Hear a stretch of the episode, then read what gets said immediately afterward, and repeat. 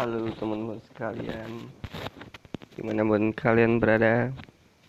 Perkenalkan Nama saya Fitri Titan Probolinggar. Biasa dipanggil Titan.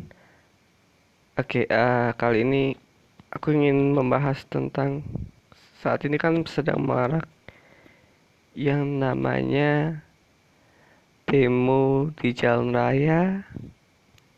Pada saat COVID-19 tahun ini ya. Aku heran kenapa kok bisa dikasih izin di tengah pandemi ini gitu loh. Padahal kan ya gak terlalu penting sih menurutku demo di jalan raya. Terus juga apakah masih zamannya gitu loh. Demo di jalan raya.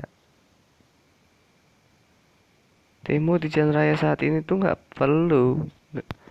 Udah ketinggalan zaman menurutku ya karena kita semua bebas bersuara bebas ngomong bukan hanya di saat demo aja. Semua apa uh, sosial media tel apa disiapkan untuk kita bersuara gitu loh. Gak harus berkerumun gak usah gak harus banyak orang. Kita di sosial media bisa kok gitu loh. Tapi pertanyaanku adalah apakah itu menaati protokol kesehatan? Enggak enggak menjamin itu. Memang di saat aksi banyak ya yang protokol kesehatan dijalani. Iya tapi apakah bisa menjamin itu? Enggak. Sekarang kita lihat deh. Memang kenyataannya mereka menjaga jarak oke? Okay? memang tapi sebelum itu mereka naik mobil bareng-bareng naik motor berboncengan Apakah itu yang disebut dengan protokol kesehatan? Apakah mereka pakai masker di saat mereka menuju lokasi? Belum tentu. Apakah bisa menjamin kesehatan mereka? Enggak. Enggak sama sekali. Oke. Okay. Aku heran kenapa kok bisa diberikan izin gitu loh? Apakah kepolisian itu pura-pura nggak tahu pada hal ada undang-undang tentang kekarantinaan kesehatan?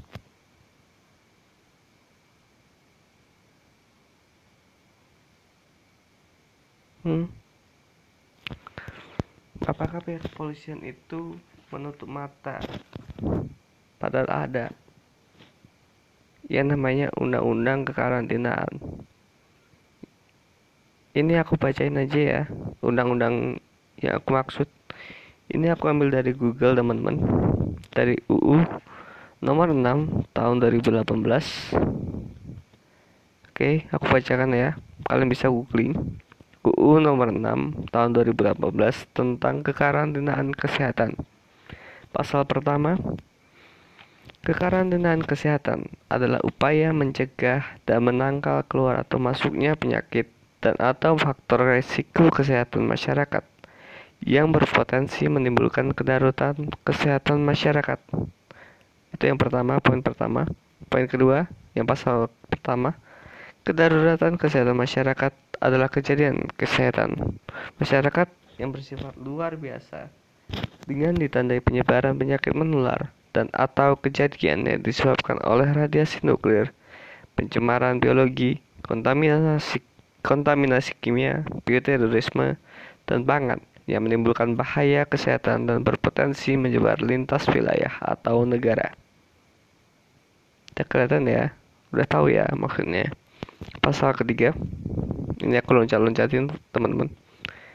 Poin A, melindungi masyarakat dan penyakit dan atau sorry melindungi masyarakat dari penyakit dan atau faktor resiko kesehatan masyarakat yang berpotensi menimbulkan kedaruratan kesehatan masyarakat. Poin B mencegah dan menangkal penyakit dan atau faktor resiko kesehatan masyarakat yang berpotensi menimbulkan kedaruratan kesehatan masyarakat. C. Meningkatkan ketahanan nasional di bidang kesehatan masyarakat. D. Memberikan pelindungan dan kepastian hukum bagi masyarakat dan petugas kesehatan. Ini masih banyak teman-teman. Pasal 7 setiap orang mempunyai hak memperoleh perlakuan yang sama dalam penyelenggaraan kekarantinaan kesehatan. Pasal 8. Setiap orang mempunyai hak mendapatkan pelayanan kesehatan dasar sesuai kebutuhan medis, kebutuhan pangan, dan kebutuhan kehidupan sehari-hari lainnya selama karantina. Pasal 9. Setiap orang wajib mematuhi penyelenggaraan kekarantinaan kesehatan. Itu poin pertama. Poin kedua, setiap orang berkewajiban ikut serta dalam penyelenggaraan kekarantinaan kesehatan. Dari situ sudah jelas. Saat ini kita sedang masa karantina kesehatan, adaptasi kehidupan baru. Oke. Okay. Kenapa masih diberikan izin gitu loh?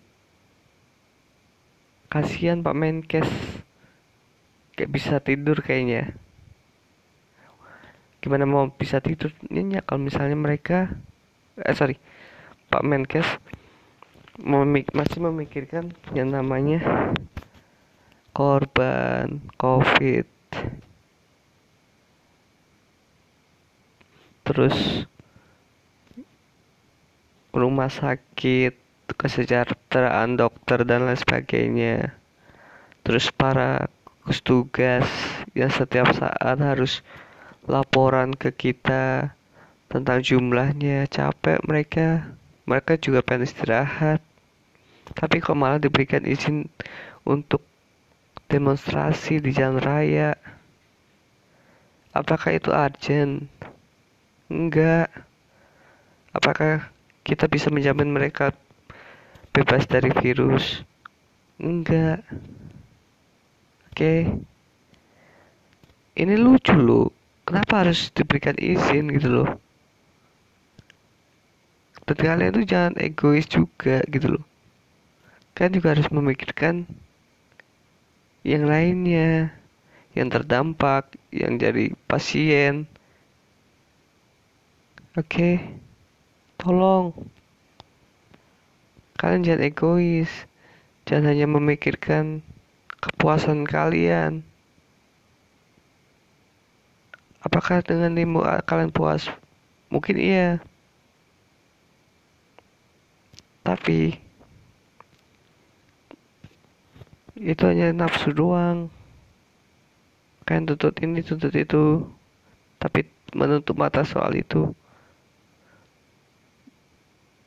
Dan aku harap juga kepolisian juga bijak gitu loh seharusnya ketika izin itu diberikan kepada kepolisian harusnya ditolak jangan sungkan jangan takut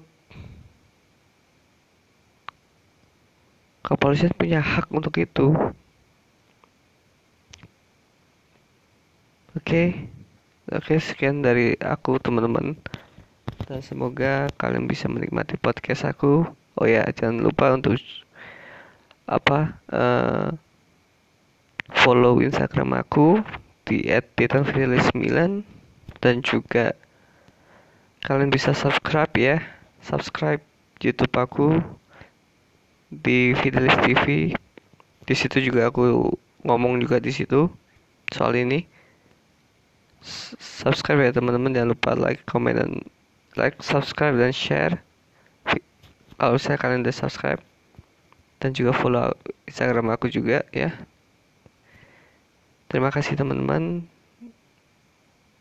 Semoga kalian bisa mengambil hikmah dari ini semua. Terima kasih.